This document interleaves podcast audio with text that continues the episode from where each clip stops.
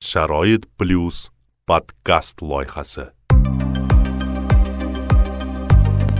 Assalomu alaykum hurmatli tinglovchilar. Toshkent shahar sharoit plyus nogironlar jamoat birlashmasi amalga oshirib kelayotgan e, doimiy loyihalaridan biri sharoit plyus podkast e, loyihasini navbatdagi e, soni kanalimiz efirini yuzini ko'rmoqda.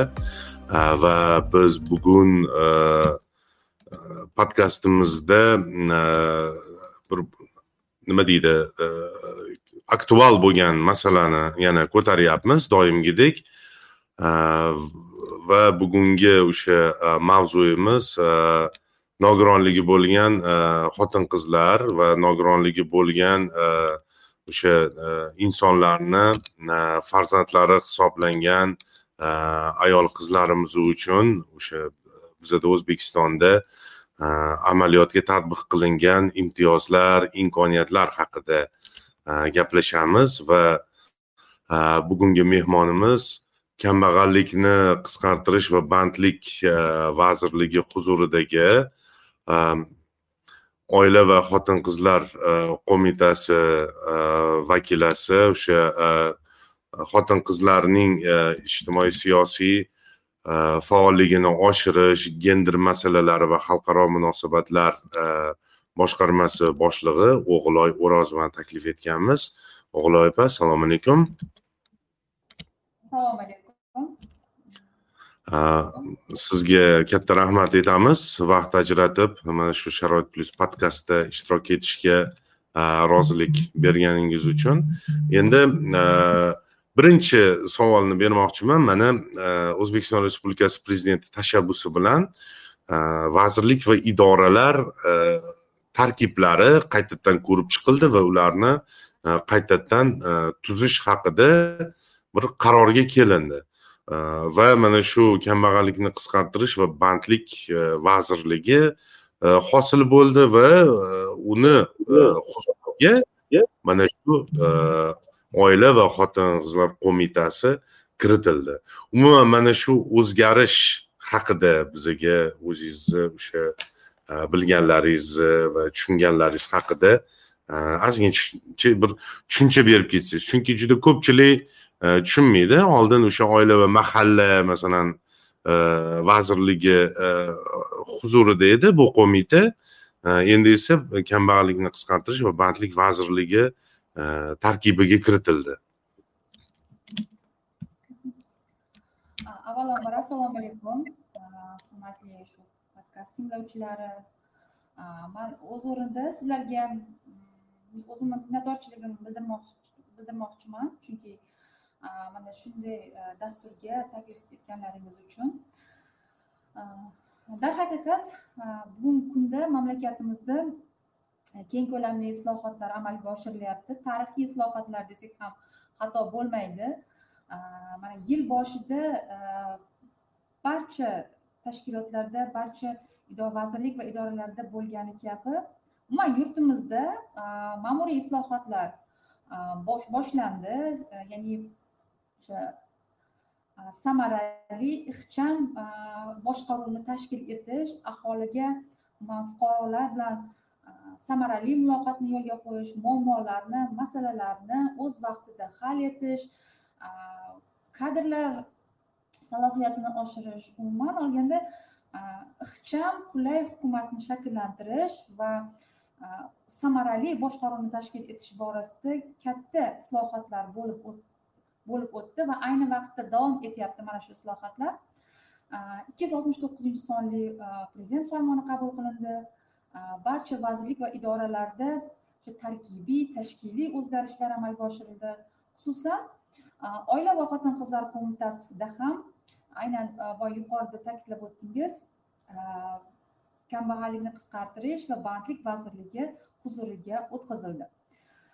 Umuman olganda bandlik va kambag'allikni qisqartirish vazirligi bu oldingi bandlikka ko'maklashish Э, vazirligi mahalla va oilani mahalla va nuroniylarni qo'llab quvvatlash vazirligi э, o'sha birikuvdan bir э, hosil bo'lgan vazirlik umuman asoslari bor bo'lgan o'sha aholi bandligini ta'minlashga mas'ul bo'lgan vazirlik sifatida bir shu bilan birgalikda kambag'allikni qisqartirish umuman aholi farovonligini oshirishga mas'ul vazirlik sifatida belgilandi. Birinchi navbatda aynan mm, mana shu vazirlikni tuzilma tarkibiga bir qancha idoralar o'tkazildi. Ya'ni mm, ayni vaqtda yana o'zgaruv jarayonlari ketmoqda. Bu o'sha tadbirkorlikni qo'llab quvvatlash va e, mahallabay ishlash agentligini oladigan bo'lsak yoki bo'lmasam tibbiy ijtimoiy xizmatlarni rivojlantirish agentligi э, yoki bo'lmasam oila va xotin qizlar qo'mitasi umuman olganda aynan aholi bilan ishlaydigan tuzilmalar e, bitta vazirlik tizimida birlashtirildi. E, qo'mitamiz oila va xotin qizlar qo'mitasi ham e, kambag'allikni qisqartirish va bandlik vazirligi huzuriga o'tkazildi.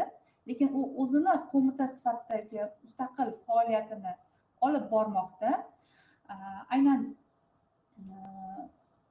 qo'mita tizimida xotin qizlarni qo'llab quvvatlash oilalarni farovonligini oshirish umuman davlat tomonidan xotin qizlar siyosati borasidagi belgilangan vazifalarni amalga oshiruvchi asosiy tashkilotlardan biri sifatida asosiy tashkilot sifatida oila va xotin qizlar qo'mitasi o'zini faoliyatini hozirgi kunda olib kelmoqda. Tushunarli. Qarangda mana joylashuv masalasini ham aniqlashtirib ketaylik. E, hozirgi kunda misol uchun o'sha oila va xotin qizlar e, qo'llab quvvatlash qo'mitasiga murojaatni yuborish uchun qayerga borish kerak? Bu o'sha kambag'allikni qisqartirish va bandlik vazirligi binosidami yoki o'sha lokatsiya masalasi? Oila va xotin qizlar qo'mitasi e, toshkent shahri mirzo ulug'bek tumani mirzakalon ismoilov ko'chasi birinchi g uyda joylashgan. Ya'ni mo'ljal bu mirzo ulug'bek tuman hokimligi binosi ro'parasidamiz alohida binoda faoliyat olib bormoqda. O'sha avvalgi joyda qo'mita o'zini faoliyatini ko'rsatyapti. Xuddi shunday. Tushunarli rahmat. Endi qarangda mana ijtimoiy tarmoqlarda iyun oyida va may oyini oxirida Э, juda keng tarqaladigan bitta post bor. Ayniqsa oxirgi shu e, e, yillarda bu judayam bir faol e, ko'ryapmiz bu postlarni. Ya'ni qizlar uchun to'rt foizlik kvota. Umuman xalqimiz judayam qiziqda har xil o'sha islohotlarni qisqacha nomlar bilan nomlab oladida to'rt foizlik kvota deb qo'yishadi to'liq aytmasdan. Mana shu to'rt foizlik Э, kvotani maqsadlarini bilamiz. Biz э, o'sha ijtimoiy muhofazaga muhtoj bo'lgan qizlarimizni э, ta'lim olishiga qaratilgan islohot. Bu judayam yaxshi islohot. O'zi e, mana shu kvota tushunchasi e, kiritilgani judayam yaxshi bo'ldi. Misol uchun nogironligi bo'lgan e, shaxslar abituriyentlar uchun ikki foizli kvota yokida mana ijtimoiy muhofazaga muhtoj bo'lgan qizlarimiz uchun mana shu to'rt foizli e, kvota bu judayam sezilarli darajada o'sha oliy ta'limda e, ijtimoiy muhofazaga muhtoj qatlam vakillarini tahsil olishida katta yordamchi e, bir islohot bo'ldi desam hech ham adashmayman. Umuman shu to'rt foizli kvota haqida bir tushuncha bersangiz bizni tinglovchilarimizga o'zi nima bu maqsad qanaqa keyin bevosita mexanizmlari haqida gaplashamiz. Katta rahmat savolingiz uchun ulug'bek aka agar ruxsat bersangiz man umuman mamlakatimizda xotin qizlarni qo'llab quvvatlash bo'yicha nafaqat ta'lim ularni ta'lim olish balki ijtimoiy iqtisodiy moddiy qo'llab quvvatlash borasida ham amalga oshirilayotgan islohotlar haqida qisqacha to'xtalsam savollarimiz ichida tayyorlangan. Bunisi ham albatta bevosita o'sha mahallani ishtiroki orqali o'sha xotin qizlarimizni qo'llab quvvatlash masalalarida ham albatta alohida to'xtalib o'tamiz. Lekin izohlarda eng ko'p berilgan savol mana shu to'rt foizli kvota bo'lyapti. Shundan boshlasak keyin sekin sekin savollar orqali oydinlashtiramiz qolgan masalalarni. Katta rahmat savolingiz uchun mamlakatimizda umuman xotin qizlarni ta'lim olishi ularni oliy ta'limga qamrab olinishi qamrab olish bo'yicha e, judayam keng islohotlar amalga oshirilmoqda. Man e, statistikaga qaraydigan bo'lsak mana ikki ming o'n yettinchi yilga qadar oliygohlarda bir yuz o'n ming nafar xotin qizlar tahsil olgan bo'lsa aynan bugungi kunda bu bu raqam qariyb besh barobarga oshgan ya'ni besh yuz ming nafarga yetgan oliy ta'lim bilan qamrab olingan xotin qizlar Э, aynan э, oliy ta'limda tahsil olayotgan xotin qizlar bu jami talabalarning э, qariyb ellik foizini tashkil qiladi. Bu albatta so'nggi yillarda xotin qizlarimizga oliy ta'lim olish imkoniyatlarini kengaytirish bo'yicha yaratilayotgan shart sharoitlar imkoniyatlar imtiyozlar natijasi desak xato bo'lmaydi. To'g'ri ta'kidlab o'tdingiz so'nggi vaqtlarda umuman o'sha may iyun oylari haqiqatdan ham oila va xotin qizlar qo'mitasida aynan e, bu murojaatlar ushbu mazmundagi murojaatlar juda ko'p kelib tushadi. Chunki e, aynan ehtiyojmand ikkita yo'nalishda biz e, xotin qizlarni oliy ta'lim olish imkoniyatlarini kengaytirish bo'yicha ikkita yo'nalishda biz ish olib boramiz. Aynan hukumat qarori bilan qo'mita zimmasiga ikkita yo'nalishda tavsiyanoma berish vazifasi yuklatilgan. Shulardan biri bu siz aytganingizdek o'sha xalq tilida yuritiladigan to'rt foizlik kvota. Umuman olganda to'rt foizlik kvota bu nima degani? Bu davlat tomonidan ehtiyojmand oilalardagi xotin qizlarga oliy ta'lim muassasalariga qo'shimcha davlat granti asosidagi qabul ko'rsatkichlari doirasida tanlovda ishtirok etishlari uchun beriladigan imkoniyat ya'ni ajratilgan grant. Hozirgi kunda bu ya'ni e, uzr gapingiz bo'laman. Misol uchun e, ikki ming yigirma uch ikki ming yigirma to'rtinchi o'quv yili uchun deylik besh yuz mingta e, o'sha talabaga ajratilsa abituriyent qabul qilish rejaga kiritilgan bo'lsa e, mana shu besh yuz mingtadan olinadimi bu to'rt foiz yoki qanaqadir alohida. Alohida grant alohida ikki mingta ikki ming nafar ehtiyojmand oilalardan bo'lgan xotin qizlar uchun ajratiladigan kvota hisoblanadi ha demak ikki ming nafar o'sha ijtimoiy muhofazaga muhtoj xotin qizlarni o'sha qabul qilishga qaratilgan bu kvota kvota hisoblanadi va bu ikki mingta kvota davlat oliy ta'lim muassasalari muassasalariga taqsimlanadi ya'ni yo'nalishlardan talablardan kelib chiqqan holda mana shu ikki mingta kvota oliy ta'lim muassasalariga taqsimlanadi. Tushunarli bu davlat oliy ta'lim muassasalariga. Oliy ta'lim muassasalariga. Tushunarli qarang misol uchun mana ikki mingta o'ringa demak da'vogar bo'lishi mumkin. Misol uchun o'sha tavsiyanoma lekin berilaveradi. Misol uchun o'n mingtagacha bo'lgan xotin qizga yoki o'ttiz mingta qizlarimizga misol uchun shu tavsiyanoma beriladi va mana shu o'ttiz mingta bo'lgan o'sha da'vogarlar ikki mingta o'ringa da'vogarlik qilishadi. Shundaymi? Xuddi shunday. Lekin tavsiyanoma ham har bitta har qaysi xotin qizga berilmaydi.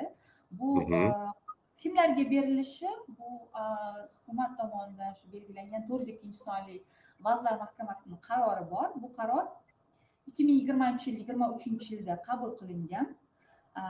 Respublika oliy ta'lim muassasalariga qo'shimcha to'rt foizlik davlat granti asosida oliy ta'lim oliy ma'lumot olish istagida bo'lgan ehtiyojmand oilalardagi xotin qizlar oltita mezonga to'g'ri kelishlari kerak. Bu mezonlar qaysi biri? Birinchisi bu kam ta'minlangan oilalardagi xotin qizlar ya'ni bunda oila oilaning har bir a'zosiga jami bir oylik o'rtacha daromad minimal iste'mol xarajatlari miqdoridan oshmaganda kam ta'minlangan deb e'tirof etilinadi ya'ni ijtimoiy reyestrga kirgan oilalar demak. Reyestrga kiritilgan oilalardan bo'lgan xotin qizlar ikkinchi mezon bu to'liqsiz oilada tarbiyalanayotgan ya'ni otasi yoki onasi yoxud ularning ikkalasi ham vafot etgan ijtimoiy himoyaga muhtoj xotin ijtimoiy himoyaga muhtoj qizlar. Uchinchi mezon bu turmush o'rtog'i vafot etgan voyaga yetmagan farzandini yolg'iz tarbiyalayotgan ijtimoiy himoyaga muhtoj ayollar. To'rtinchi toifa mana bugungi mavzuyimizga mos nogironligi bo'lgan farzandi bor ehtiyojmand oilalardagi xotin qizlar beshinchi toifa bu e, beshinchi mezon aniqrog'i ikki va undan ortiq farzandlarini tarbiyalayotgan boshqa qarindoshlaridan alohida ya'ni ijarada yashayotgan ijtimoiy himoyaga muhtoj bo'lgan yolg'iz ayollarning qiz farzandlari. Va oxirgisi yana bugungi mavzuyimizga mos ota onalardan biri yoki har ikkisi ham birinchi yoki ikkinchi guruh nogironligi bo'lgan ehtiyojmand oilalardagi xotin qizlar agar talabgor xotin qizlarimiz qo'shimcha davlat granti asosidagi mana shu to'rt foizlik kvota asosida o'qishga kirish istagi bo'lsa mana shu oltita mezonlardan biriga taalluqli bo'lishi kerak. Mezonlardan yana bitta narsa boya juda ko'p muhokamalarga savollarga savollarni yuzaga kelishiga sabab bo'ladi. Bu man e, mana shu to'rt foizlik kvota asosida beriladigan tavsiyanomaga ega bo'lsam o'qishga kirdim degan. Noto'g'ri e, qarashlar shakllangan. E, aslida bunday emas. Oila va xotin qizlar qo'mitasi tomonidan mana shu oltita mezonlardan biriga mos bo'lgan xotin qizlar uchun murojaat qiladigan bo'lsa mana shu mezonlardan biriga mos bo'lsa unga tavsiyanoma beriladi. Va mana shu tavsiyanomaga ega bo'lgan xotin qizlar o'rnatilgan tartibda o'sha belgilangan test jarayonlarida yoki bo'lmasam o'sha kasb kasbiy ijodiy imtihon yozma imtihonlarda to'liq ishtirok etadi. Unda tavsiyanoma qayerda rol o'ynaydi degan savol tug'ilishi mumkin. Mana kirish imtihonlarida to'plash mumkin bo'lgan eng yuqori ballning o'ttiz foizdan kam bo'lmagan ball to'plagan tavsiyanomaga ega bo'lgan ehtiyojmand oilalardagi xotin qizlar ballar ketma-ketligiga qat'iy rioya etilgan holda qo'shimcha to'rt foizlik davlat grant asosida qabul ko'rsatkichlari doirasida talabalikka tavsiya etiladi. Ya'ni oddiy tilda tushuntirib beradigan bo'lsam umumiy qabul kvotasi mana bir oliygohga ajratilgan grant asosida yigirmata o'rin bor. Qo'shimcha mana shu to'rt foizlik davlat grant grant asosida ikkita yoki uchta joy ajratilgan. Davlat granti asosida mana umumiy qabul parametrlari doirasida davlat grant asosida eng yuqori ball masalan e, bir yuz sakson to'qqiz ball to'pladi deylik. E, grant chegarasi e, misol uchun bir yuz oltmish ball. Ya'ni o'sha bir yuz oltmish balldan keyin chiziq tortilgan. Tavsiyanomaga ega bo'lgan xotin qizlarimiz uchun tavsiyanoma olgan xotin qizlar uchun eng yuqori eng mana eng yuqori ballning o'ttiz foizi bu mana bir yuz sakson to'qqiz ball eng yuqori ball deb oladigan bo'lsak o'ttiz foizlik chegara bu oltmish uch mana tavsiyanomaga ega bo'lgan xotin qizlarimiz o'rtasida mana shu to'rt foizlik kvota asosida ikkita yoki uchta o'rin uchun kurash olib boriladi va bu kurashda mana shu tavsiyanomaga ega bo'lgan xotin qizlarimizning eng yuqori ball to'plagani masalan yuz ball bo'lishi mumkin. Eng pasti oltmish uch balldan kam bo'lmasligi kerak. Mana shu yerda tavsiyanoma olgan xotin qizlar uchun uchun tanlov bo'ladi. Ya'ni boya yuqorida aytdim e, eng yuqori shu grant asosida umumiy qabul ko'rsatkichlari doirasida bir yuz oltmish ball chegara e, chiziq bo'lyapti. Grantniki to'rt foizlik grant asosida eng yuqori Э, ball to'plagan yuz ball to'plagan deylik yuz ball to'plagan qizimiz shu tavsiyanomasi bilan mana shu to'rt foizlik davlat granti asosida o'qishga qabul qilinishi mumkin. Э, yana aytmoqchi bo'lganim э, tavsiyanoma olgandan keyin baribir talabgor xotin qizlardan ma'lum bir bilimga ega bo'lish talab etiladi. Tushunarli. Endi mana shu to'rt foizli kvota uchun tavsiyanoma olish mexanizmi haqida e, biroz gaplashsak e, qanday bosqichlardan o'tib qayerga murojaat qilish kerak va nimalarga e'tibor qaratish kerak?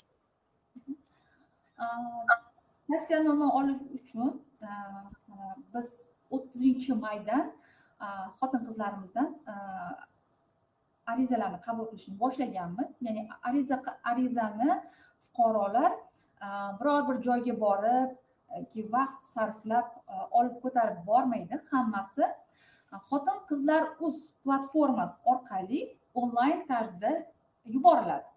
Ya'ni uchta w xotin qizlar uz platformasi orqali talabgor xotin qizlarimiz o'zlarini mm, pasport ma'lumotlari va tug'ilgan kun oy va sana yillarini kiritgan holda o'sha ariza berishlari mumkin va shu mana birinchi sahifada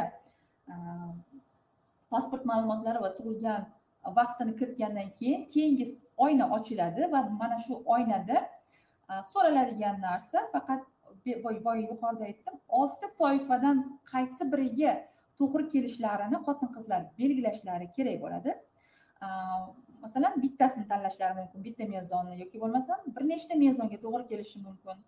O'sha o'zlarini o'zlari kirgan mezonlarni tanlagandan keyin ular mm, uzr yana bir joyi bor o'sha yashash manzillari viloyati tumani mahallasi shahri hamda uyali telefon ishlaydigan uyali telefon raqamlarini kiritish kerak bo'ladi.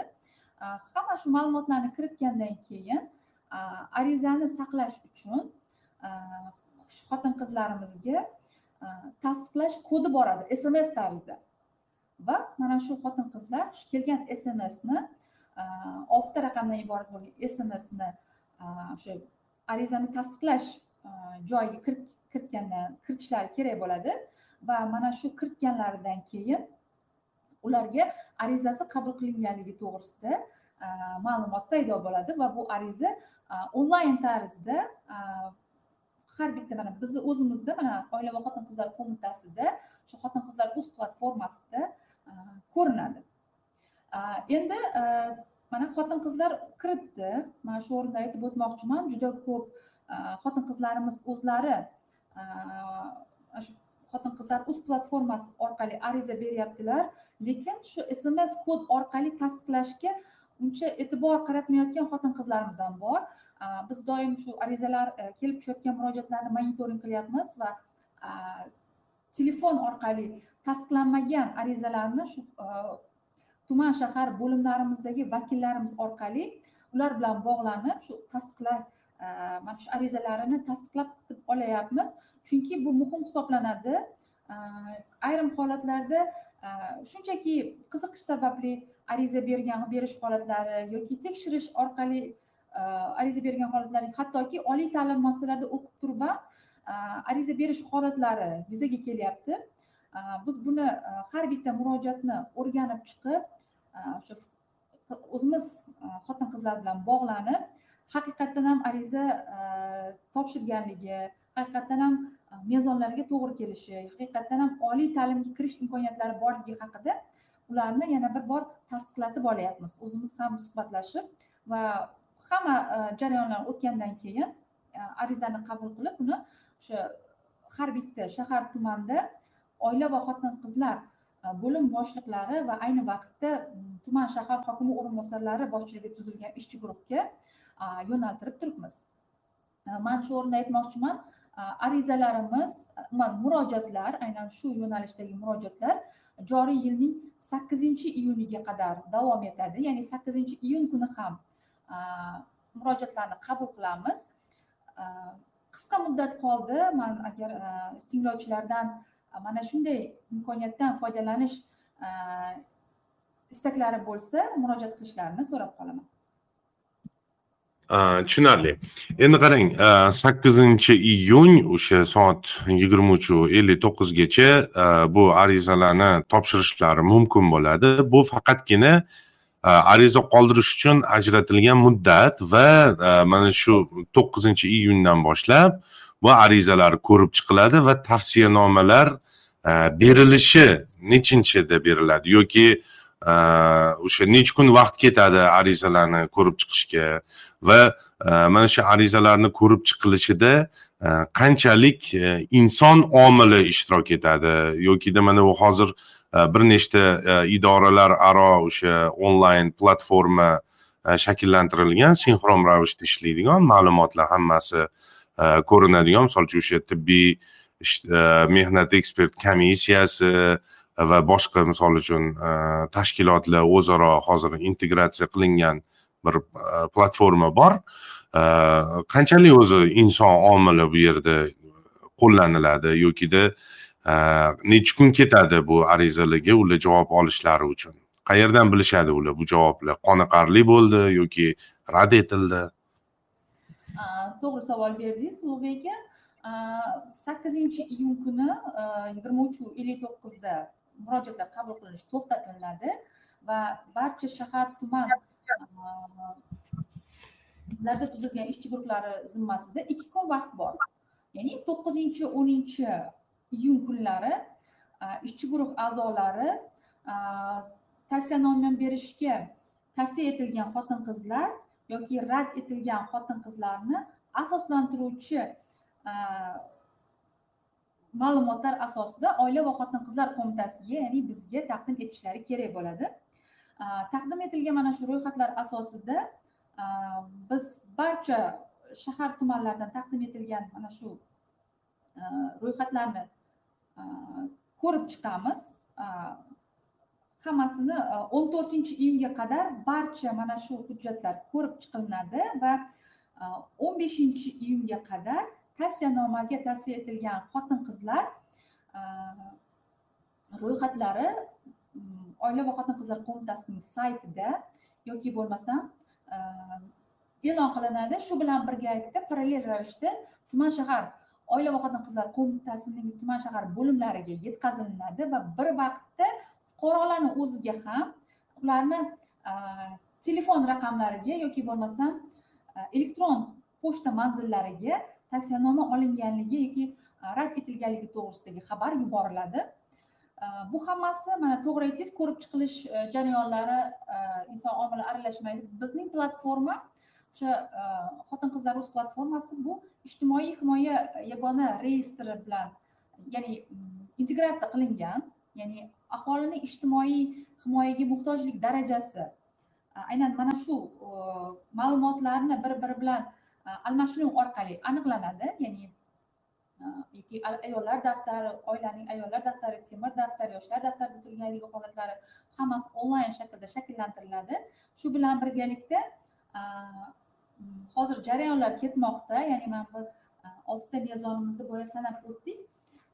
Oilani o'sha boquvchisini yo'qotganlik bo'yicha asoslantiruvchi hujjatlar. O'sha ota onaning ota onalar yoki ularning ulardan birining vafot etganligini isbotlovchi hujjatlar ham onlayn tarzda integratsiya qilish masalalari jarayonlari ketmoqda. Lekin integratsiya bilan bir vaqtda boya man ozgina mm, yodimdan ko'tarilibdi. Ma'lumot ma'lumotda aytish mana biz arizalarni xotin qizlardan qabul qilganimizdan keyin albatta ulardan ma'lum bir toifaga kiruvchi mana boquvchisini yo'qotganlik yoki boshqa Э, yo'nalishdagi э, haqiqatdan ham shu boquvchisini yo'qotganligi to'g'risidagi otasi yoki onasi vafot etganligi to'g'risidagi hujjatni so'rab olamiz. Э, chunki bu ayrim hozir texnik jihatlardan integratsiya jarayonlari davom etmoqda. Keyingi yillarda albatta bu platformamiz yanada takomillashtirib boriladi.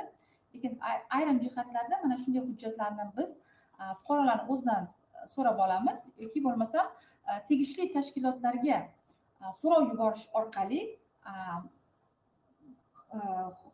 xotin qizlar tomonidan kiritilgan o'sha mezonlar bo'yicha haqiqatdan ham to'g'ri kiritilganligi o'zlari haqiqatdan ham to'g'ri tanlanganligi bo'yicha mezonlarga aniqlik kiritib olamiz. Mana shu jarayonlar kechadi. Endi o'sha tavsiyanomalar o'sha belgilangan nizomga muvofiq joriy yilning o'n beshinchi iyunida Э, barchaga o'sha э, ariza bilan murojaat etgan barcha fuqarolarga э, onlayn yoki bo'lmasa ijtimoiy tarmoqlar orqali yoki bo'lmasam boshqa vositalar orqali yetkaziladi mhmm. tushunarli.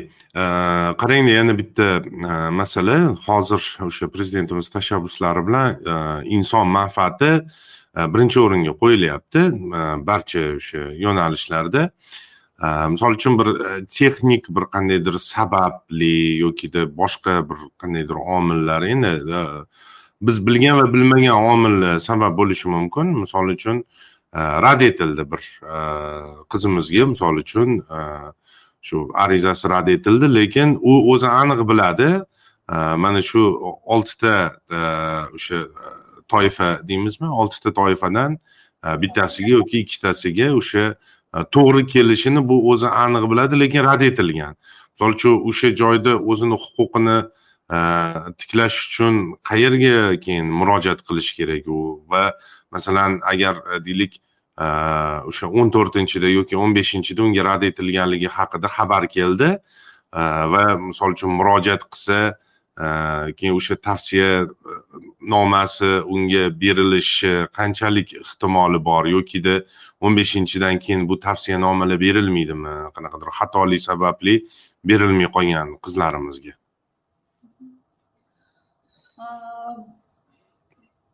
Man bir narsani ta'kidlab o'tmoqchiman ulug'bek aka mana har bitta tavsiyanomaga tavsiya etiladigan xotin qizlar yoki rad etilishi bo'yicha ishchi guruh xulosa beradi va bu xulosa har bitta fuqaro bo'yicha har bitta talabgor bo'yicha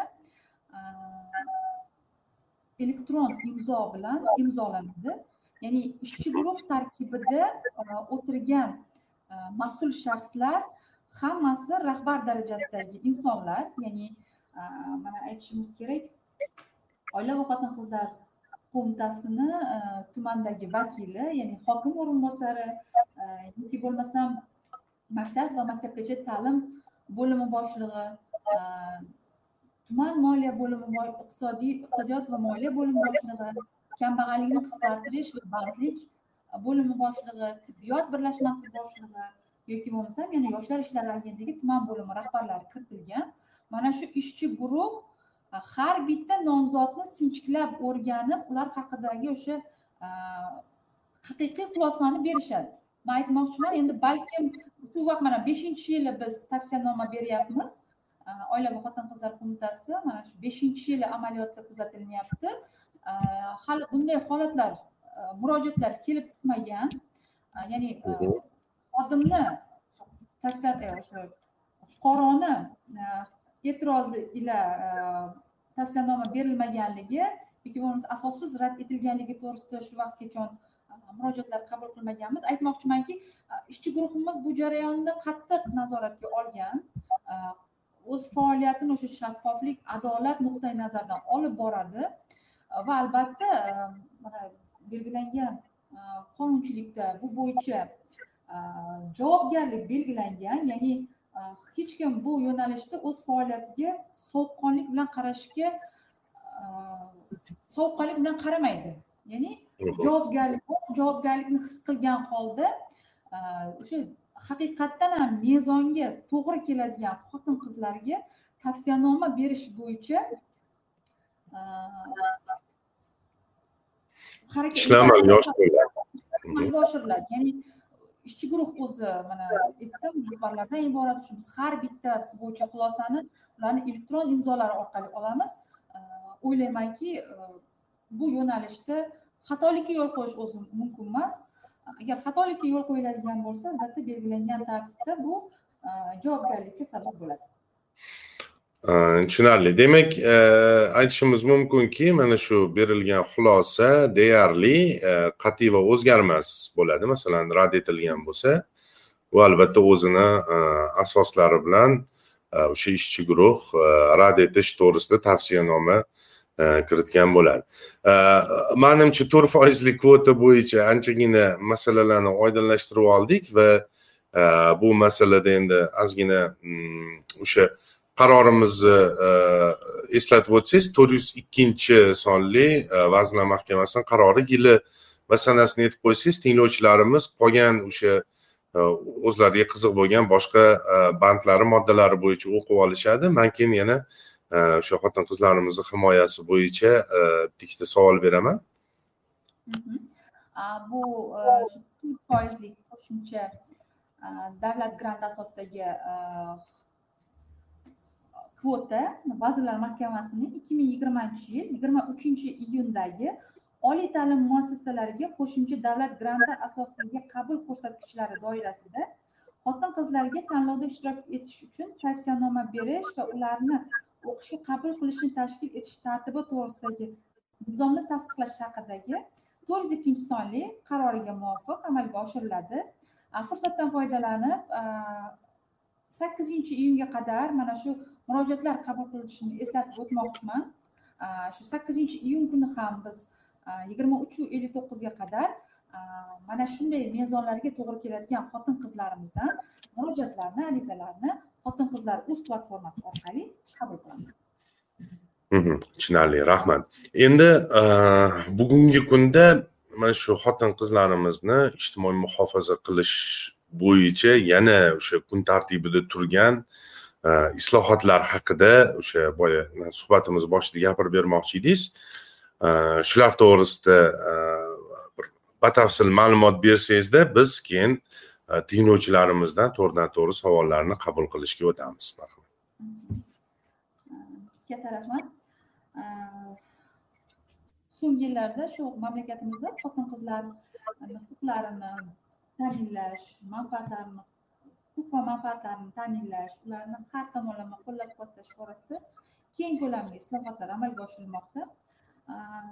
Nima uchun bunday islohotlar kerak? Mana mamlakatimizda aholisining qariyb ellik foizini xotin qizlar tashkil etadi. Xotin qizlarimizni nafaqat farzand tarbiyasi oila hayotidagi o'sha ishtiroklari ularni davlat jamiyat boshqaruvidagi umuman turli sohalardagi samarali mehnatlarini ularni e, faoliyatlarini e, yanada takomillashtirish ularga yana shart sharoit yaratish qo'llab quvvatlash bugun davlatimizning asosiy e, muhim siyosatlaridan biri hisoblanadi. Bugungi kunda xotin qizlarning huquq va manfaatlarini ta'minlash oila institutini har tomonlama mustahkamlash bo'yicha davlat siyosatini samarali amalga oshirish maqsadida eng quyi tizim mana shu mahalla mahalla va xonadongacha kirib boradigan vertikal tizim yaratilgan. Man aytib o'tmoqchiman mana oila va xotin qizlar qo'mitasini har bitta mahallada shu hozir to'qqiz ming to'rt yuz qirq beshta mahalla bo'ladigan bo'lsak mamlakatimizda to'qqiz ming to'rt yuz qirq beshta mahallada xotin qizlar faoli degan lavozim joriy etilgan. Bevosita davlat tomonidan oylik maosh bilan ta'minlanadigan va aynan mahallalarda xotin qizlarni qo'llab quvvatlash ularni ijtimoiy iqtisodiy tibbiy e, jihatdan e, qo'llab quvvatlash borasidagi ishlarni muvofiqlashtiruvchi e, amaliy yordam ko'rsatuvchi mutaxassislarimiz hisoblanadi. Shu bilan birgalikda mamlakatimizda aynan xotin qizlarni har tomonlama qo'llab quvvatlashga qaratilgan yuzga yaqin normativ hujjatlar mavjud. Shulardan eng muhimlarini aytib o'tadigan bo'lsak bu ikki ming o'n to'qqizinchi yilda qabul qilingan xotin qizlar va erkaklar uchun teng huquq hamda imkoniyatlar kafolatlari to'g'risidagi qonun hamda xotin qizlarni tazyiq va zo'ravonlikdan himoya qilish to'g'risidagi qonunlar hisoblanadi. Yana bitta muhim bir hujjat bor. ikki ming yigirma ikkinchi yilda muhtaram yurtboshimiz tomonidan umuman o'zi ikki ming yigirma ikkinchi yil xotin qizlar yili bo'ldi desam mubolag'a bo'lmaydi. Chunki E, yil boshida juda bir katta dastur qabul qilindi va shu bilan birgalikda dastur asosida qirq ikki turdagi xotin qizlar uchun imtiyoz imkoniyatlari yaratildi. E, mana shu hujjat bu ikki ming yigirma ikkinchi e, yigirma oltinchi yillarda xotin qizlarning mamlakat iqtisodiy siyosiy va ijtimoiy hayotning barcha jabhalarida faolligini oshirish bo'yicha milliy dastur. Va mana shu milliy dastur orqali bugungi kunda xotin qizlarimizni Э, ham ijtimoiy ham iqtisodiy ham siyosiy ham moddiy qo'llab quvvatlash borasida ishlar amalga oshirilmoqda. Э, yana bitta eng muhim э, jihat mana bizda hozir ikki ming yigirma ikkinchi yigirma oltinchi yillarga mo'ljallangan yangi o'zbekiston taraqqiyot strategiyasi qabul qilingan va mana shu strategiyaning ham eng muhim maqsadlaridan biri e, oltmish to'qqizinchi maqsad bor. U yerda xotin qizlarni qo'llab quvvatlash ularning jamiyat hayotidagi faol ishtirokini ta'minlashga qaratilgan. Va mana shu normativ hujjatlar umuman olganda huquqiy me'yoriy huquqiy baza yaratilgan. Biz bugungi kunda mana shu hujjatlar asosida ayollarimizni xotin qizlarimizni irqi millati tili ijtimoiy kelib chiqishidan qat'iy nazar qo'llab quvvatlash borasida imkon qadar ishlarni amalga oshiryapmiz endi aynan bugungi mavzuyimizdan kelib chiqib aytadigan bo'lsak muhtaram yurtboshimiz tomonidan ikki ming yigirmanchi yilda bir amaliyot bir joriy etildi bu o'sha ehtiyojmand og'ir turmush sharoitida yashayotgan xotin qizlarni har taraflama qo'llab quvvatlash maqsadida ayollar daftari tizimi joriy etildi aynan mana shu tizim orqali shu kunga qadar ikki millionga yaqin xotin qizlarimizga Э, xotin qizlarimizni bandligini ta'minlash ularni mm, tadbirkorlikka jalb etish moddiy qo'llab quvvatlash turar joy bilan bog'liq muammolarni hal etish tibbiy huquqiy psixologik yordam ko'rsatish borasida e, ham amaliy ham moddiy yordamlar ko'rsatildi. E, ayni vaqtda mana shu ayollar daftari orqali e, biz to'rtinchi bosqichini amalga oshiryapmiz. Bugungi kunda mana shu ayollar daftari orqali e, bir million olti yuz sakson nafar xotin qizlarimiz e, bu daftarga kiritilgan va e, mana shu daftarda mm, daftar orqali eng ehtiyojmand qatlam shu o'rinda aniq kiritib ketay ya'ni o'ttiz yoshdan yuqori bo'lgan bunda ham mezonlarimiz bor. Oltita mezon asosida xotin qizlarni qamrab olingan bu daftarga ya'ni o'sha ijtimoiy himoyaga muhtoj ishsiz xotin qizlar e, tadbirkorlik qilish istagini istagida bo'lgan ehtiyojmand xotin qizlar yoki bo'lmasam boquvchisi bo'lmagan ehtiyojmand xotin qizlar ya'ni boquvchisi vafot etgan jazoni ijro etish muassasalarida saqlanayotgan yoki ruhiy kasallikka chalingan birinchi ikkinchi guruh nogironligi bo'lgan ya'ni e, doimiy daromadga ega bo'lmagan yoki bo'lmasam bedarak yo'qolgan e, turmush o'rtoqlari shu bedarak yo'qolgan shu ehtiyojmand oila ehtiyojmand oilalardagi xotin qizlarga yoki bo'lmasam ijtimoiy yordamga muhtoj birinchi va ikkinchi guruh nogironligi bo'lgan shuningdek tezkor tibbiy muolajaga muhtoj xotin qizlarimiz yoki bo'lmasam uy joyga muhtoj ehtiyojmand xotin qizlar ya'ni bu noturar joylarda istiqomat qilayotgan doimiy yashash uchun turar joy bo'lmagan ijarada yashab ketayotgan xotin qizlarni uy joy sharoitlarini yaxshilash va shuningdek qaramog'ida nogironligi bo'lgan farzandi mavjud. Ehtiyojmand xotin qizlar ya'ni nogironligi bo'lgan farzand voyaga yetmagan birinchi guruh nogironligi bo'lgan farzandi yoki yoshidan qat'iy nazar mana shunday e, nogironligi bo'lgan farzandlarini bevosita parvarishlayotgan ehtiyojmand xotin qizlar mana shu ayollar daftariga kiritish orqali ular moddiy tibbiy ijtimoiy huquqiy jihatdan qo'llab quvvatlanadi ma'lumot o'rnida aytaman bugungi kunda besh yuz ellik besh mingdan ortiq mana shu ayollar daftariga kiritilgan xotin qizlarimizga e, yordamlar ko'rsatilgan. E, ularni o'sha har tomonlama uy joy sharoitlarini yaxshilash masalasida yoki bo'lmasam e, ijara kompensatsiyalarini to'lash yoki bo'lmasam uy joylarni ta'minlab berish masalalari yoki bo'lmasam ularni o'zbekiston bo'ylab sayohat qil dasturi oilasida doirasida ichki turistik sayohatlar tashkillashtirish yoki bo'lmasam eng muhim ko'rsatkichlardan biri ularni bandligini ta'minlash masalalari tadbirkorlikka jalb etish masalalarini yoki bo'lmasam moddiy qo'llab quvvatlash masalalari borasida amaliy yordamlar ko'rsatilmoqda. Tushunarli kattakon rahmat. Endi bevosita o'sha tinglovchilarimizdan savollarni qabul qilamiz va qo'l ko'tarish tugmachasini bosishni so'rab qolamiz. Kimda savol tug'ilgan bo'lsa bemalol o'sha qo'l ko'tarish tugmachasini bosishinglar mumkin. Naziraxon ismli tinglovchimizga mikrofon yoqib berdim. Assalomu alaykum. Assalomu alaykum. Man e, farg'ona viloyatidanman. E, hozirda farg'ona viloyati ichki ishlar akademik litseyini ikkinchi bosqich talabasiman. E, o'sha to'rt foizli kvota ichki ishlar akademiyasiga yo bo'lmasa huquqni muhofaza qilish akademiyasiga ham o'tadimi yo'q shuni bilmoqchi edim. Rahmat aynan mana shu to'rt foizlik kvotamiz e, ushbu huquqni muhofaza qiluvchi organlardagi e, ta'lim muassasalariga tatbiq etilmaydi afsuski. Chunki e, nimaga degan savol bo'lishi mumkin bu yo'nalishda ham alohida imtiyozlar mavjud. Shu sababli ham aynan biza bizni shu to'rt foizlik kvota asosida beriladigan bu kvota akademiyaga yoki anaqaga tatbiq etilmaydi shu yerda bir aytib ketsangiz qaysi yo'nalishlarga tatbiq etilmaydi bu o'sha huquq ichki ishlar tibbiyotmi yana qaysi yo'nalishlarga qiluvchi organlar shuki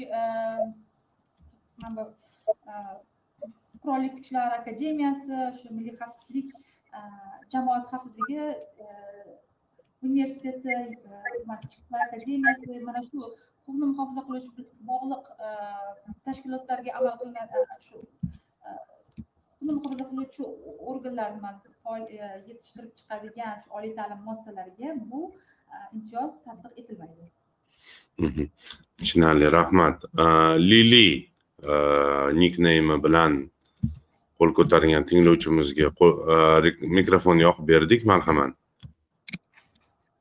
assalomu alaykum. Assalomu alaykum. savolim shundan iboratki ismim ozodaxon uzr o'zimni tanishtirib olay ismim ozodaxon. Shu berilgan to'rt foizli kvota asosida institutga kirib o'qib bitirdim. Allohga shukur. Magistraturaga ham kirib o'qishni davom ettirmoqchi edim. Shu imkoniyat che- cheklangan shaxslar uchun ham magistraturaga qanaqa imkoniyatlar bor hozirda? Shunaqa kvotalar sizda nogironlik bormi o'zingizda ha ikkinchi guruh nogironiman Mhm, shu magistraturaga kirish uchun ham kvotalar ajratilganmi? Shu kvota asosida kirsa bo'ladimi? Shuni so'ramoqchi edim. Aha. Mm, rahmat ozodaxon xursandmiz. Mana shunday imtiyozdan foydalanib oliygohlarni tamomlab ertaga bir davlat va jamiyat hayotida munosib bir mutaxassis bo'lib yetishishingizga lekin magistratura yo'nalishida kvotalar yo'q alohida. Lekin magistratura bosqichiga magistraturaga kirgandan keyin xotin qizlar uchun to'liq davlat granti asosida o'qish imkoniyati bor. Ya'ni kontrakt asosida ham kirsangiz davlat tomonidan shu kontrakt mablag' pullari to'liq davlat byudjeti hisobidan to'lab beriladi. Magistraturaga o'qishga kirish davomida esa alohida kvotalar belgilanmagan. Faqat bitta mm, yo'nalishda bor. Bu endi fursatdan foydalanib aytaman. Shu zulfiya nomidagi davlat mukofoti sovrindorlari agar bakalavrda mana shunday mukofotni olgan xotin qizlarimiz bakalavrga kirishda mana shu imtiyoz bu ham bir imtiyoz beradi imkoniyat beradi. Magistraturaga kirish yoki oliy ta'limga kirish imtiyozi hisoblanadi shu bakalavrda foydalanmasa magistraturada imtihonsiz o'qishga kirishlari mumkin yoki bo'lmasam shu nomdor davlat stipendiyasiga ega bo'lgan xotin qizlarimizda ham oliy ta'lim muassasalariga magistraturasiga imtiyoz asosida kirish huquqlari berilgan lekin to'g'ridan to'g'ri mana shu magistraturaga alohida kvota ajratilmagan lekin kirgandan keyin barcha o'sha to'lov kontrakt asosida kiradimi u davlat byudjeti hisobidan to'liq qoplab berilishi kafolatlangan. Tushunarli. Demak nargizoda ismli tinglovchimizga mikrofon yoqib berdim. Marhamat. Assalomu alaykum mani savolim shundan iborat edi. Prezidentimiz e, qarorlariga hozir nechinchi qarorligi to'g'risi bu suhbat tayin bo'lgandan beri e'lon qilingandan beri o'sha qarorni nechinchi qarorligini qidirishga harakat qildim topolmadim. Lekin o'zim aniq eshitganman ko'rganman nogironligi bo'lgan birinchi ikkinchi guruh nogironligi bo'lgan shaxslarga xotin qizlarni e, mana shu davlat ta'limlariga institutlarga kirishda e, kontraktlarini to'lab berish qanchadir bir e, foizini to'lab berish yoki temir daftarda turgan xotin qizlarni o'sha kontraktini yuz foiz to'lab berishga qaror bor edida. Bu qaror ikkinchi mutaxassisligi ham bormi? Savolim shundan iborat edi rahmat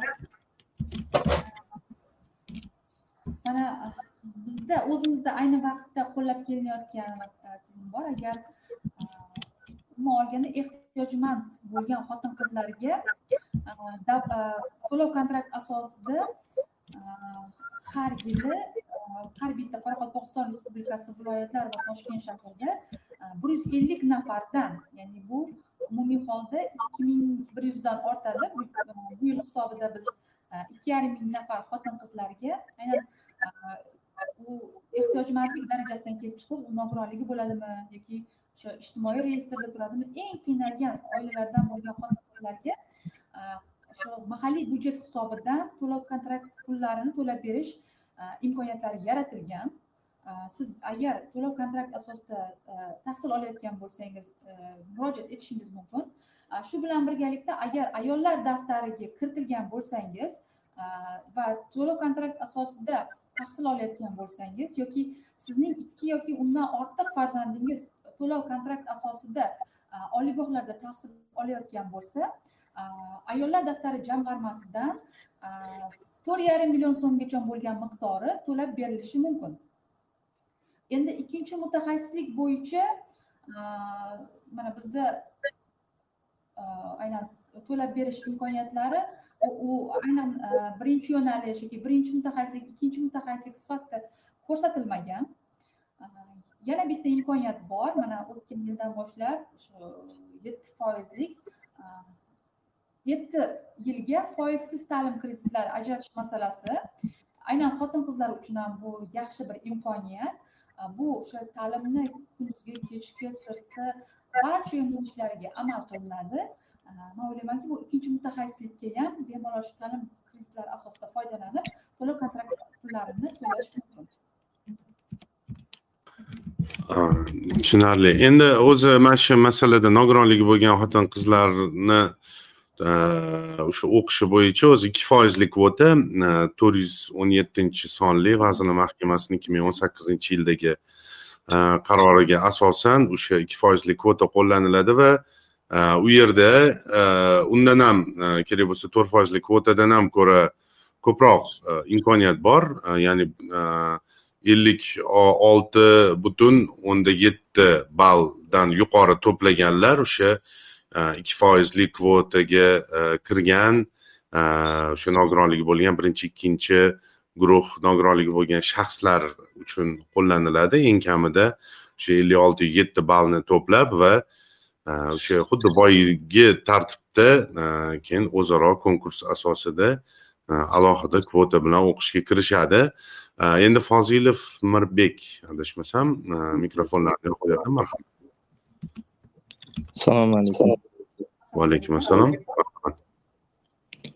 nukusdan fazil merbek bo'laman men hozir eshityapman hozir aytib o'tdi besh yildan beri tavsiyanomani beryapmiz deb bu haqdagi ma'lumotni shu yerda hozir eshityapman buning uchun ulug'bek aka sizga sizga kattakon rahmat bunday ma'lumotni shu paytgacha bizga hech kim aytgan yo'q edi sababi e, turmush o'rtog'im uch yildan beri o'qishga topshiramiz. Temir daftar temir daftar bo'ldi. Ana nima? Ayollar daftarida bor lekin unda logoti yo'q. E, endi shuni olishga harakat qilamiz. Endi tavsiyanomani e, meni savolim shundan iboratki xotin qizlar qo'mitasi bu yerda hozir biz bilan gaplashayotgan. Ular ular shu dtm platformasiga shu tavsiyanoma haqida bir qandaydir bir ma'lumotlarni qo'yib bersa yaxshi bo'lardida. Sababi hozir yigirma yettita odam bilamizda u haqda. Boshqa odam bilmaydida. Ikkinchi savolim e, shundan iboratki e, nogironligi bo'lgan xotin qizlar o'qishga kirdi. Ho'p o'qidi mayli. Bitirdi. Bitirgandan keyin ularni mehnat faoliyati qanday bo'ladi? Ularni ish bilan ta'minlanishi qanday bo'ladi? Shu haqda javob bersangiz oldindan rahmat. Rahmat kattakon. Judayam jo'yali savol. Oliy ta'lim muassasasini bitirayotgan xotin qizlarimizni bandligini ta'minlash masalasida nima ishlar olib borilyapti? Katta rahmat. Savolingiz uchun. Masalani ko'rsatib ko'rsatardingiz biz imkon qadar o'zimizni shu har bitta mahalladagi vakilimiz orqali yoki bo'lmasam ommaviy axborot vositalari ijtimoiy tarmoqlar orqali ko'proq chiqishga mana shu haqida aholini xabardorligini oshirish bo'yicha targ'ibot ishlarini olib boryapmiz. Imkon qadar ko'proq xotin qizlarimizni mana shu imkoniyatdan foydalanish bo'yicha xabardorligini oshirish maqsadida ularni ko'proq chiqishlar qilishga harakat qilyapmiz. Bugungi podkast ham mana shulardan biri hisoblanadi. Mana mirbek sakkizinchi iyunga qadar sizda imkoniyat bor ayolingizda imkoniyat bor aniqrog'i xotin qizlar uz platformasi orqali shu internetdagi xotin qizlar uz platformasi orqali onlayn ariza berish mumkin. Bu to'rt foizlik qo'shimcha kvota orqali va mana shu ariza berilgandan keyin o'rnatilgan tartib yuqorida aytib o'tildi ko'rib chiqilinadi va tavsiyanomaga ega bo'lishlari mumkin ular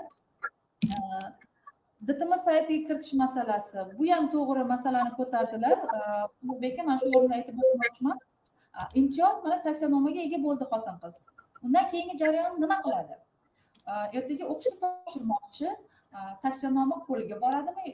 Telefon raqamiga borgandan keyin nima ish qiladi? Keyin chiqarib olib buni e, o'sha abituriyent uz sayti orqali saytga kiritadimi? Qanday bo'ladi degan e, savollar? Haqli tayin mana hozir nurbek ham xuddi shu masalani ko'tardilar. Biz o'n beshinchi iyunga qadar o'n beshinchi iyun kuni barcha o'sha e, imtiyozga ega bo'lgan xotin qizlar to'g'risidagi ma'lumotlarni o'sha dtm davlat test markazi ya'ni hozirgi kunda bilim va malakalarni baholash agentligiga onlayn tarzda ularni bazasiga kiritamiz. Ya'ni ertaga fuqaro unga sms tarzida tavsiyanomaga tavsiya etildingiz degan xabar borgandan keyin u qayta ishchi guruhga kelib o'sha tavsiyanomani qog'ozga chiqarib olib yoki bo'lmasam o'sha nusxa olib yurish shart emas. U ertaga oliygohga topshiradigan bo'lsa o'sha oliygohga topshirganda o'zini shaxsiy kabinetida shu imtiyozlar degan qismida uni mana shu tavsiyanomasi avtomatik tarzda ko'rinadi.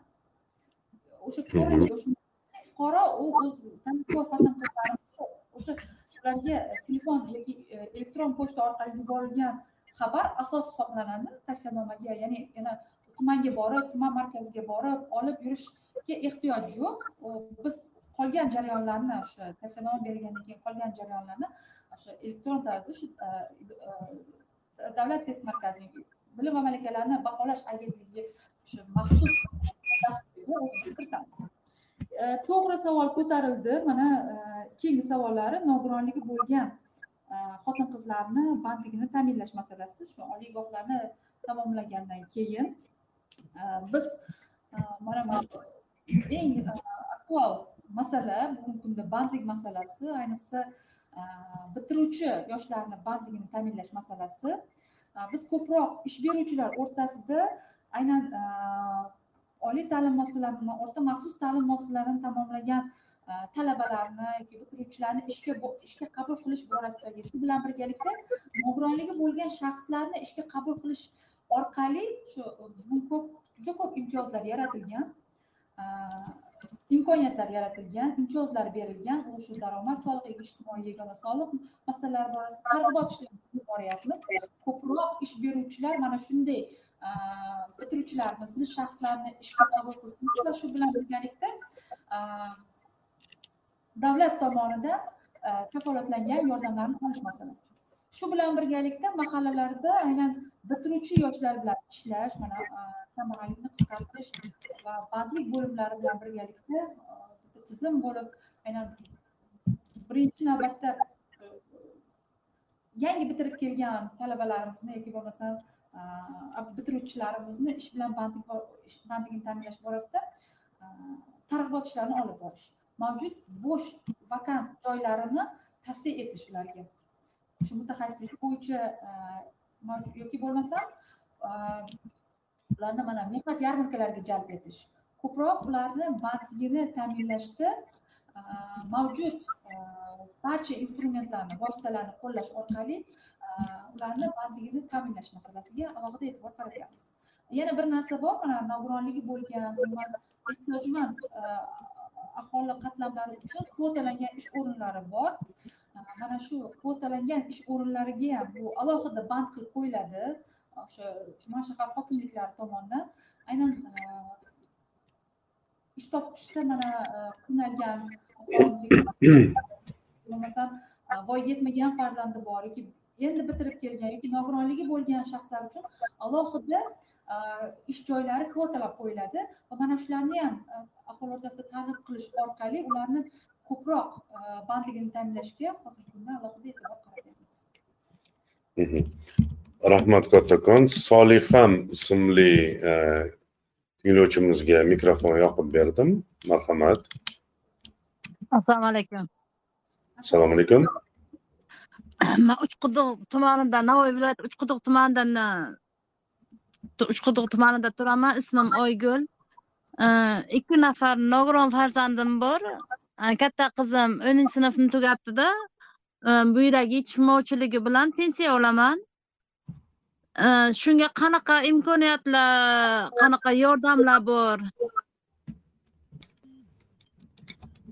O'shalarida ma'lumot bersalaringiz mana davolatishimga nimaga bildir. O'zim ayollar daftariga turib farzandlarim davolatish uchun Eh, dori shu dori nimalarga mana bildir yordam bergandilar lekin bu yil mana частный chasni bo'lyapti hammasi частныйlarga shartnoma qog'oz bermaydida shuni ertaga o'qishiga yoki hozirga qanaqa imkoniyatlari bor qanaqa yordamlari bor o'shanga bir maslahat berib yuboring ana qizim nogironlar nimasiga ro'yxatiga ham turadi mahallaga allo savolingiz juda yam keng qamrovli bo'lib ketdi to'g'risini aytsam siz hozir e, o'zingiz uchun bo'lgan imtiyozingizni ham so'radingiz. Farzandlaringiz uchun ham bir tartibga solib olaylik E, siz ikki nafar nogironligi bor farzandlaringiz bor. E, va siz uchun qanaqa imtiyozlar bor? Bu birinchi savolingiz shunaqami man mana o'sha nogironi bor nimalarga? Qanaqa yordam beriladi mana mis- misol uchun temir daftariga temir daftar yo o'sha xotin qizlar daftariga kirgansiz? Aha, Ha. hop. va farzandlaringizni o'sha tibbiy davolanishi uchun e, o'sha xotin qizlar qo'mitasi orqali qanday imtiyozlar bor? Siz savolingiz shunaqa. Endi sal haligi tartibga savoli savolni anaqa qilsak yaxshi bo'ladida. Mhm, ho'p. Rahmat marhamat marhamat. Aniqlashtiruvchi savol bermoqchi. Edim hozir ayollar daftarida turadiganmikan soliha e, soliham. Ha, ayollar daftarida o'tirasizmi? Oygul. Adashmasam ismlari boya ismlari shunaqa degandek bo'ldilar. Oygul.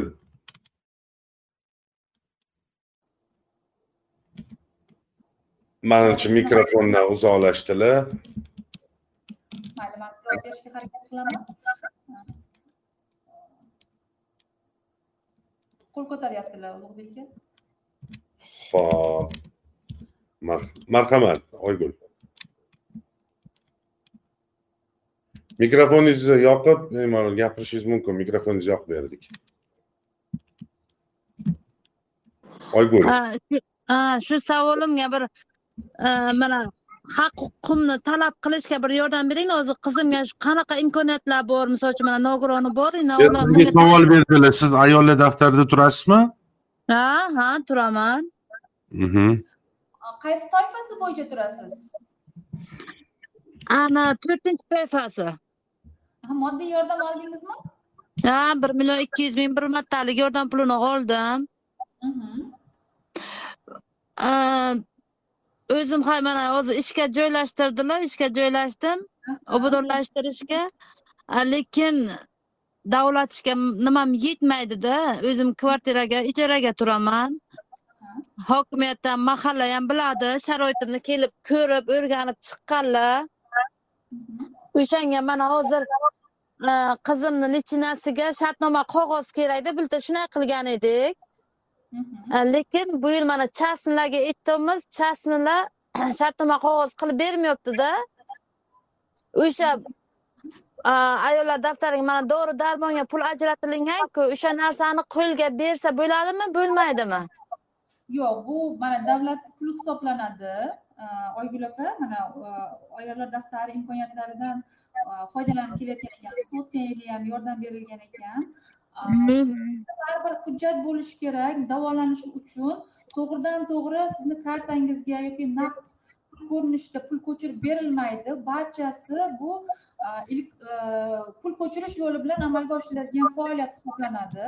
Shuning uchun farzandingizni davolatish uchun siz albatta qayerda davolatmoqchisiz o'sha yerdan xizmatlar narxi ko'rsatilgan shartnomani olib kelishingiz talab etiladi va albatta haqiqatdan ham e, yordamga muhtojligi to'g'risida mana bizda tibbiyot xulosasi kerak chunki mm, baribir e, davlat puli maqsadli ishlatilishi kerak. Shuning uchun man sizdan iltimos qilgan bo'lardim. E, o'sha yoki bo'lmasam mahallangizni aytsangiz biz o'zimiz oila va xotin qizlar tuman bo'limi mas'ullari orqali bog'lanib shu частный yoki o'sha xususiy tibbiyot muassasalari bilan shu muzokaralar olib borib shartnomalarni olishga sizga amaliy yordam ko'rsatamiz. Baribir bu e, naqd pul ko'rinishida bermaydi berilmaydi pul davolanish uchun hammasi shu pul o'tkazish yo'li bilan amalga oshiriladi. Siz e, manga agar kontaktlaringizni qoldirsangiz biz yana e, mana dasturdan keyin qo'shimcha aloqaga chiqaman sizga. Iltimos qilamiz. O'g'il opaga o'sha lichkalariga o'zingiz ma'lumotlaringizni e, yozib qo'yishingizni so'rardim va e, o'sha o'zlari aytganlaridek e, siz bilan bog'lanishlari uchun. Vaqtimiz tobora sekin o'zi tugadi o'zi reglamentdan biroz chiqib ketdik lekin agar o'g'il opa ruxsat bersangiz yana ikki nafar tinglovchidan savol olsak va keyin podkastimizni yakunlaymiz. Hozir man feruzaga mikrofon yoqib berdim. Marhamat feruza. Assalomu alaykum. Assalomu alaykum. Yaqinda televizordan ko'rib qoldim. O'qishga kirgan talabalar xohlagan ta'lim shaklida o'qishni davom ettirishlari mumkin. Ya'ni xohlasa kunduzgi xohlasa sirtqi kechki yoki masofaviy ta'lim shaklini tanlab o'qishi mumkin savolim mana shu e, nogironligi bor yoki nogiron farzandi bor xotin qizlarni o'qishga mana shu ta'lim shaklini tanlab o'qishiga bakalavr yo magistratura sohasiga o'qishga huquqiga egami? Asosiy masalan nogironligi bor yoki nogiron farzandi bor oilalarda masalan masofaviy ta'lim shaklida o'qish ancha qulaydi. Manimcha bu savolingiz ko'proq to'g'risini aytsam o'sha oliy ta'lim yo'nalishi bo'yicha chunki bilmadim o'g'il opa agar adashayotgan bo'lsam javob berib ketishingiz mumkin o'zimizni mana bu to'rt yuz foizli kvota asosidagi imtiyozga ega bo'lgan xotin qizlarimiz oliy ta'limga kirgandan keyin qaysi yo'nalishda o'qiydi degan savolga javob bermoqchiman to'rt yuz ikkinchi sonli qaror asosida tavsiyanomaga ega bo'lgan xotin qizlarimiz kunduzgi yo'nalishda tahsil olishadi va tavsiyanomadan foydalanish imkoniyati birinchi yo'nalishdagi oliy ta'lim muassasasiga e, o'tadi. E, ya'ni kim? E, mana shu tavsiyanomaga ega bo'lgan xotin qizlar birinchi yo'nalish bo'yicha oliy ta'lim muassasasini tanlaydilar va albatta unda kunduzgi yo'nalish bo'lishi kerak. Qolgan yo'nalishlar bo'yicha boshqa abituriyentlar kabi xohlagan sirtqi xohlasa e, masofaviy yo'nalishlarni tanlash mumkin. Lekin u jarayonlarda mana bu tavsiyanomamiz amal qilmaydi. Shuni aytmoqchi demak hozir o'sha e, yana tushunib oladigan bo'lsak e, beshta oliy ta'lim muassasasini tanlaydi qizlarimiz. Topshirayotganda va bu to'rt foizli e, kvota degan imtiyoz faqatgina birinchi tanlangan oliy ta'lim muassasasiga va kunduzgi ta'limga qo'llaniladi. Shunaqami? Xuddi shunday. Tushunarli rahmat. E, obidxonga e, mikrofon yoqib beryapman. Endi bugun asosan opa singillarimizni eshityapmiz lekin ularni orasida baribir e, erkaklarimizni ham eshitishimiz kerak. Chunki ularni qaramoqlarida ijtimoiy muhofazaga muhtoj e, xotin qizlar bo'lishi mumkin. Marhamat obidxon.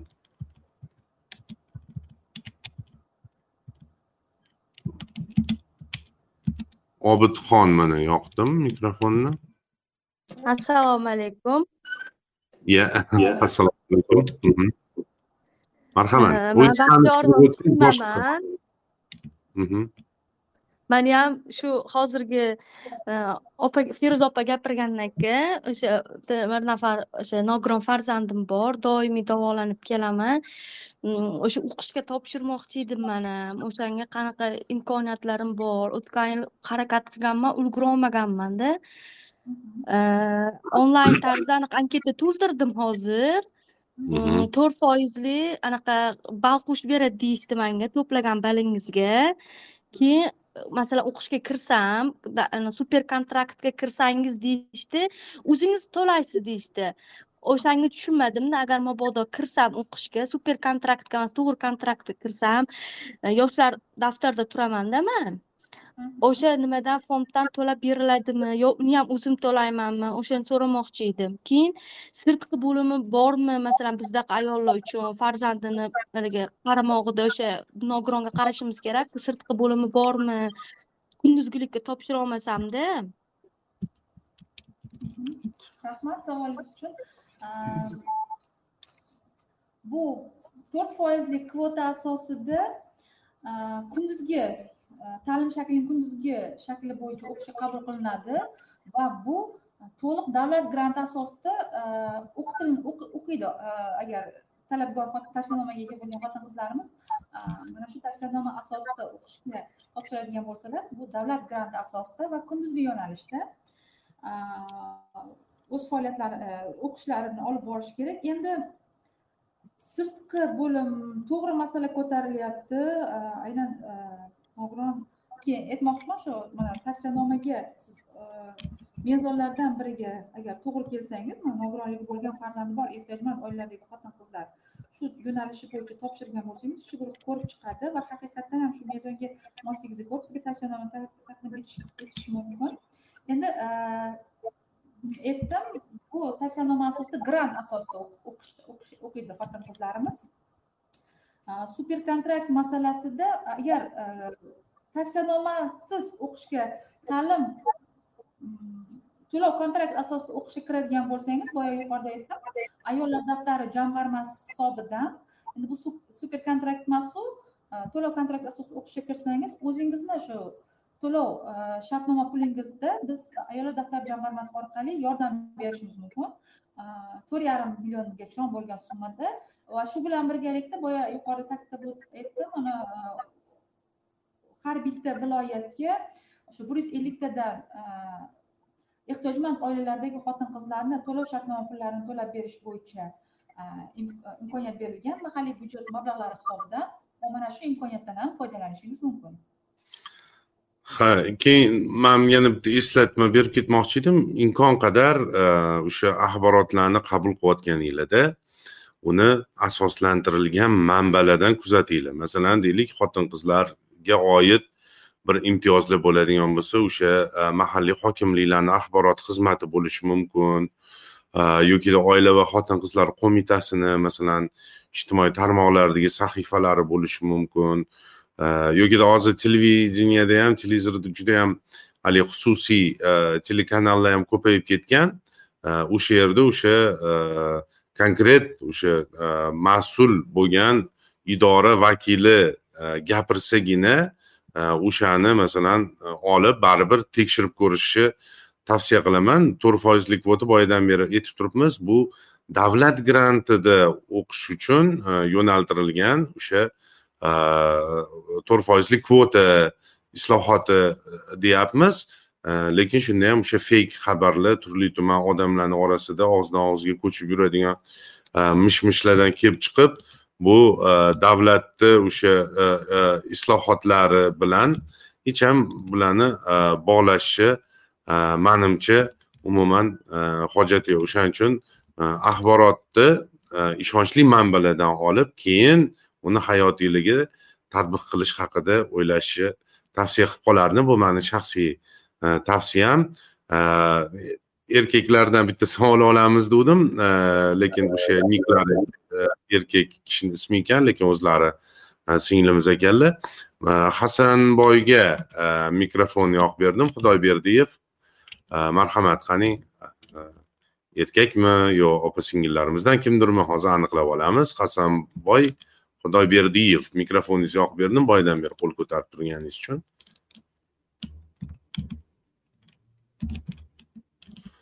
Hasanboy xudoyberdiyev assalomu alaykum. Men ikkinchi guruh nogironimanda aha. Meni bitta opam bor. Shu xotin qizlar qo'mitasi tomonidan imtiyozni olsa bo'ladimi bo'lmaydimi? Lekin turmushga chiqdida shunisi bor Mhm.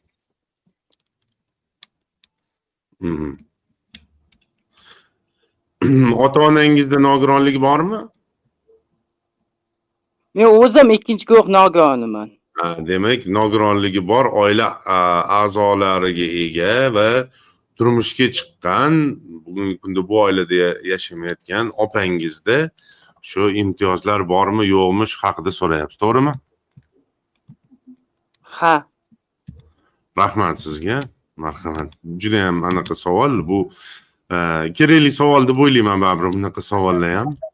To'g'ri ulug'bek aka bizga ham juda ko'p shu yo'nalishda murojaatlar bo'lyapti. Mani ota onam vafot etgan lekin man e, turmush o'rtog'im bilan yashayman murojaat qilsam bo'ladimi degan savollar bo'lyapti. E, bu yerda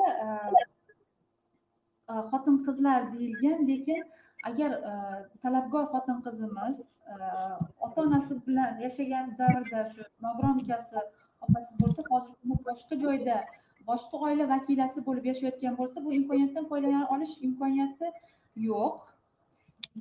Lekin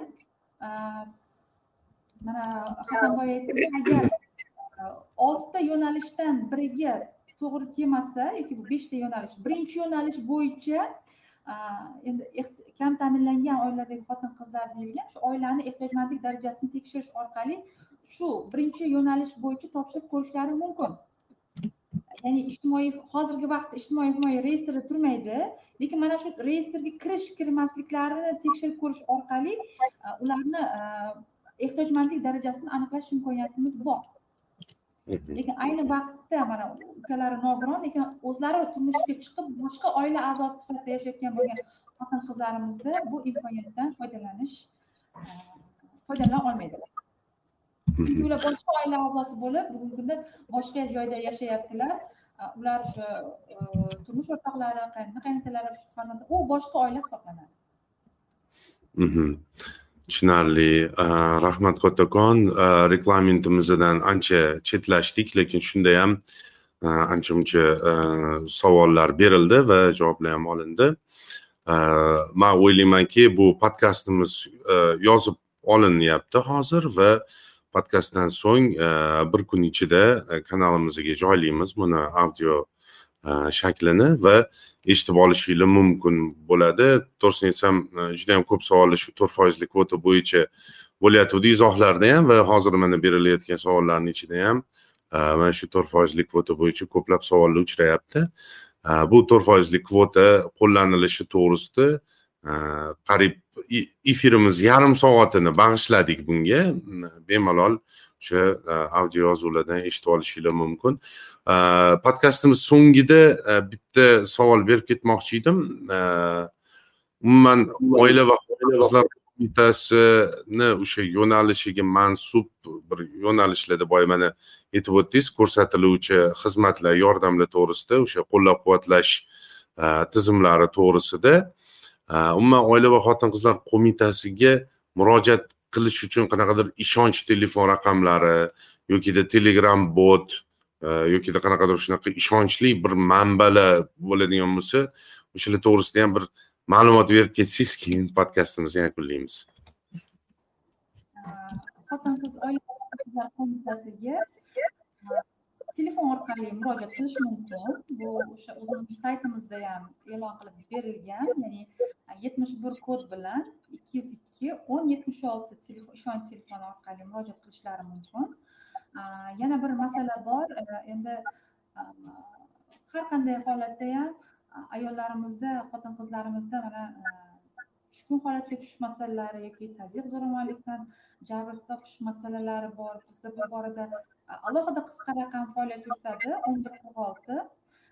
Mana shu shu raqamni qaytarib yuborsangiz ozgina internetda uzilish bo'ldi eshitilmay qoldi. Oila va xotin qizlar qo'mitasiga ishonch telefoni mana yetmish bir kod bilan ikki yuz ikki o'n yetmish olti telefon orqali murojaat qilishlari mumkin. Shu bilan birgalikda mana tazyiq zo'ravonlikka yoki bo'lmasam bir qiyin vaziyatga tushib qolgan xotin qizlarimiz psixologik huquqiy yordam olish masalalarida o'n bir qirq olti qisqa raqam orqali ham murojaat qilishlari mumkin bo'ladi Mhm. tushunarli. Kattakon rahmat. Shu bilan bugungi podkastimiz o'z nihoyasiga yetdi va podkastimiz so'ngida g'ulay opa biz tinglovchilarimizga o'zingizni tilaklaringizni bildirishingiz mumkin. Marhamat. Katta rahmat ulug'bek aka. Man juda xursand bo'ldim bugun ta'lim olish masala xotin qizlarimizni ta'lim olish masalalari man E, ijtimoiy qo'llab quvvatlash masalalari e, borasida mm, juda ko'p e, islohotlar amalga oshirayotgan bir vaqtda mana shu jarayonlarda bevosita qatnashayotgan o'zlarini daxldor bir pozitsiyaga ega bo'lgan fuqarolarimiz borligi ko'pligi va aynan ularni faolligi mana bugungi podkastda ham bilindi mana shunday faollarimiz faol fuqarolarimiz ko'paysin bugun davlatimiz tomonidan aholini har tomonlama qo'llab quvvatlash mana inson davlat uchun davlat inson uchun tamoyili asosida bugun keng ko'lamli islohotlar amalga oshirilyapti mana yangi konstitutsiyamiz qabul qilindi yangi konstitutsiyada mamlakatimizni ijtimoiy davlat sifatida e'tirof etildi barcha sa'y harakatlar inson uchun uni qadri uchun ekanligi belgilab berildi bir davlat xizmatchisi sifatida mana shu jarayonlarni ishtirokchisi sifatida aholimizni har tomonlama qo'llab quvvatlash ularni ijtimoiy iqtisodiy moddiy tomondan qo'llab quvvatlash borasida barcha imkoniyatlardan xabardor qilishga ularni jamiyatda bir faol fuqaro sifatida ishtirok etishlarida barcha qo'limizdan kelgan barcha xizmatlarni e, ayamaymiz o'zimizni e, imkoniyatlarimizdan kelib chiqqan holda va shu o'rinda e, xalqimizni bir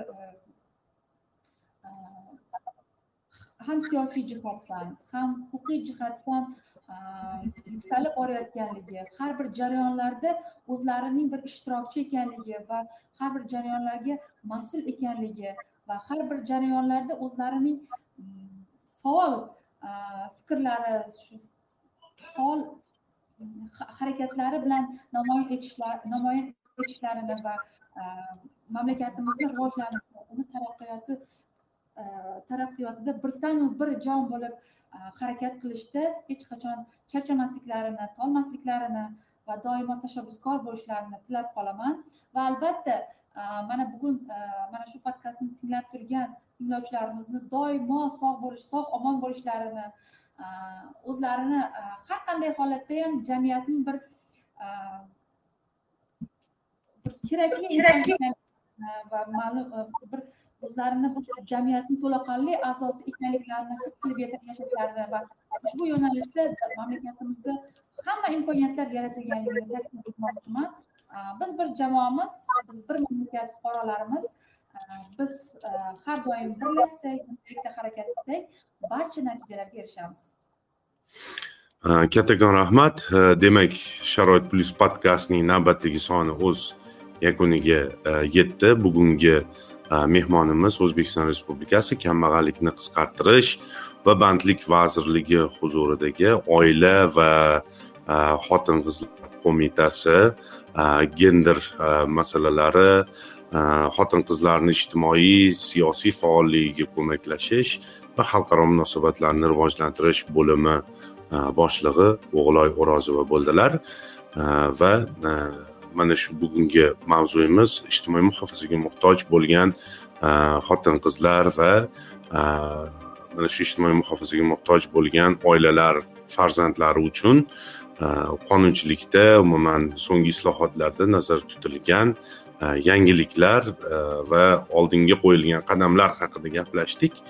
E, keyingi podkastlarda yana dolzarb masalalarni ko'tarib chiqishni o'z zimmamizga olgan holatda xayrlashib qolamiz. Sog' bo'linglar salomat bo'linglar.